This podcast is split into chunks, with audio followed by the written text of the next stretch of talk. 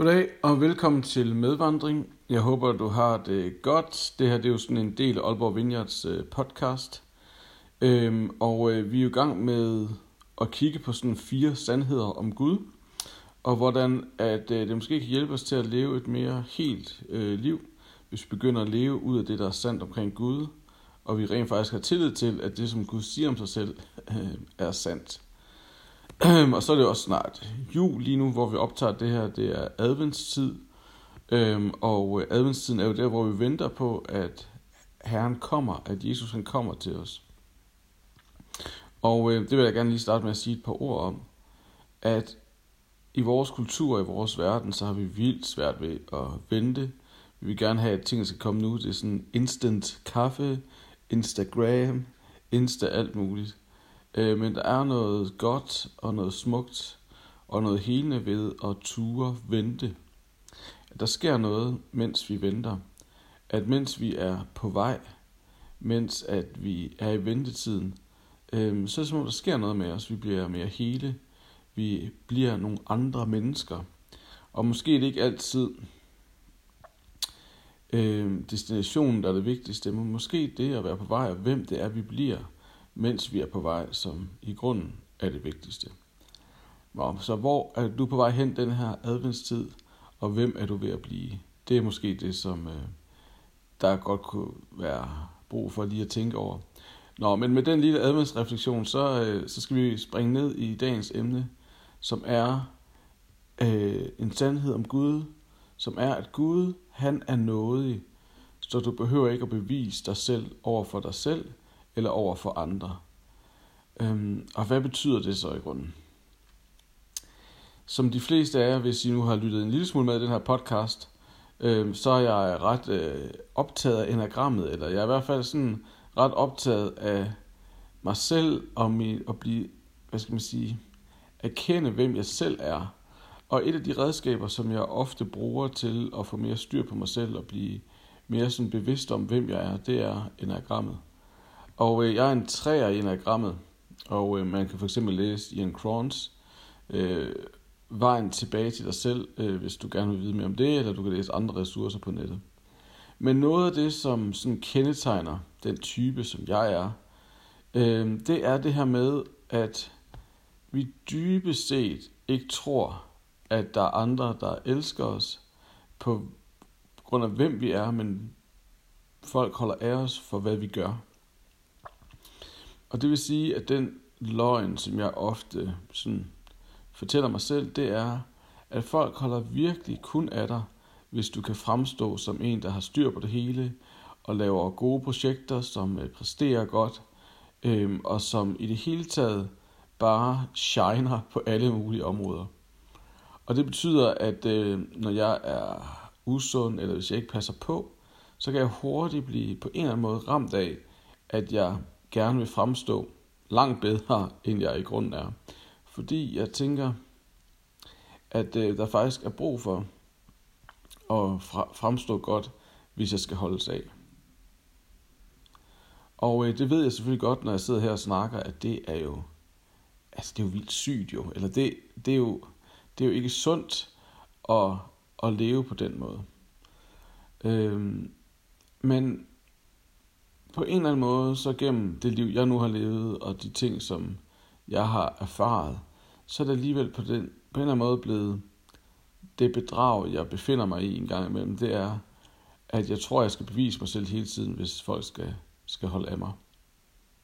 Og øh, andre kan jo leve i andet bedrag, eller fortælle andre slags løgne. Så jeg genkender fuldstændig det her med, at det faktisk kan være svært på, være svært at tro på, at Gud han er noget. Fordi det her med, at Gud han er noget, det betyder, at lige meget om jeg præsterer godt, eller om jeg fejler, så vil Gud mig. At noget handler jo netop om, at på trods af fejl og mangler og brudtid og skuffelser og fiaskoer i mit liv, så vil Gud mig stadig. At Gud han afviser mig ikke, selvom jeg ikke præsterer godt. At selvom jeg ikke gør det godt nok, så vil Gud mig stadigvæk. Noget er netop at få anerkendelse, selvom vi ikke måske nødvendigvis har fortjent det. Men det, som der så også er med Guds nåde, at den bliver ikke større af, at jeg præsterer bedre. At Guds nåde, det er, hvad skal man sige, grundtonen i vores liv. At Gud vil os, lige meget hvad der sker, lige meget hvilke fejl vi kommer til at begå, begå lige meget om vi kommer til at skuffe andre mennesker, sove andre mennesker, lige meget om vi synes, vi virkelig bare er et stort råd, så vil Gud os stadigvæk. Så det, det betyder, at jeg ikke hele tiden skal bevise mig selv. Jeg skal ikke hele tiden forsøge at gøre det bedre, fordi Gud han vil mig allerede. Og øh, det er enormt frigørende, hvis vi kunne begynde at leve ud af den sandhed, at Gud han er nådig, at Gud han vil os hver dag, at hans nåde er ny hver morgen, taler vi om i den kristne historie. Det vil sige, at hver dag siger Gud ja til dig. Hver dag siger Gud ja til, at han vil fællesskab med dig. Hver dag siger Gud ja til, at han vil vandre sammen med dig, at han vil være der med sit nærvær, at han vil give dig af sine ressourcer, bare fordi, at han vil dig. Og prøv at tænke en gang, hvis du hver morgen, når du træder ud af døren, eller træder ud af din seng, at det så er med vidstheden om, at lige meget hvad der sker i løbet af den her dag, lige var, hvor meget jeg kommer til at fejle, eller ikke lever op til mit potentiale, altså når jeg går i seng i aften, så ved jeg, at Gud, han vil mig. Det tænker jeg er et helt andet perspektiv, end det, som mange af os måske kan leve med, nemlig at vi skal gøre os fortjent. At øh, alt, hvad vi gør i den her verden, i vores kultur, handler dybest set om, at vi skal gøre os fortjent. Vi skal gøre os fortjent til, det, til vores løn, vi skal gøre os fortjent til anerkendelse, vi skal gøre os fortjent til, at andre vil hænge ud med os. Øhm, jeg lavede for nylig en, øhm, en undersøgelse sådan af, af unge studerende på Aarhus Universitet. Og det, som flere af dem sådan sagde, det var, at de havde den her fornemmelse af, at når man mødte et nyt menneske, så skulle man gøre sig fortjent til, at det her øh, nye bekendtskab ville en. At det første indtryk var vildt vigtigt, fordi at man på en eller anden måde skulle leve op til en standard, eller man skulle leve op til noget. Og jeg tror, i grunden mange af os har den fornemmelse, ikke kun når vi møder, møder nye mennesker, men faktisk hver dag, når vi træder ind i hverdagens øh, rutiner, når vi træder ind i vores job, i vores studie, at vi har den her fornemmelse af, at det er vigtigt, at vi gør os fortjent i dag. At vi fortjener os til de ting, som vi længes efter. Anerkendelse, tilhørsforhold, øh, genoprettelse. Men det, som Gud siger om sig selv, at han er nådig, det betyder faktisk, at du behøver ikke at gøre dig fortjent. Du kan faktisk slet ikke gøre dig fortjent til hans nåde, for den kommer som en gave. Og det, som der er min bøn for dig og mig den her dag, det er, at vi må ture og finde ud af, hvad det vil sige at tage imod Guds nåde som den gave, det er.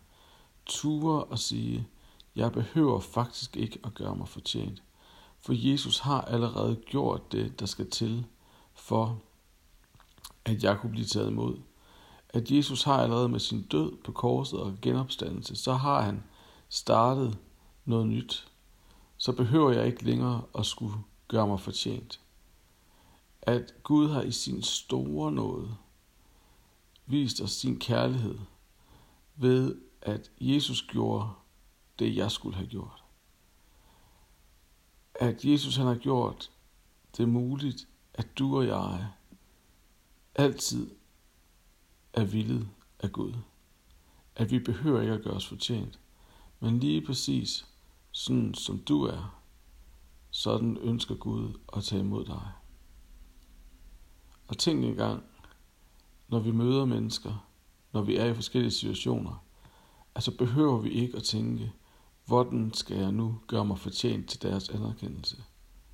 Men nej, tænk engang, hvis vi kunne sige, Guds nåde er mig nok.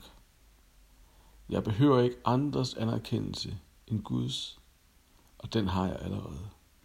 Så det er min bøn for mig, for dig i dag og for mig selv, at vi må tænke sådan og have den fornemmelse, når vi går ud i verden, at jeg behøver ikke at gøre mig fortjent. Jeg behøver ikke at leve op til et eller andet, for Gud har allerede vist mig noget, og det er nok.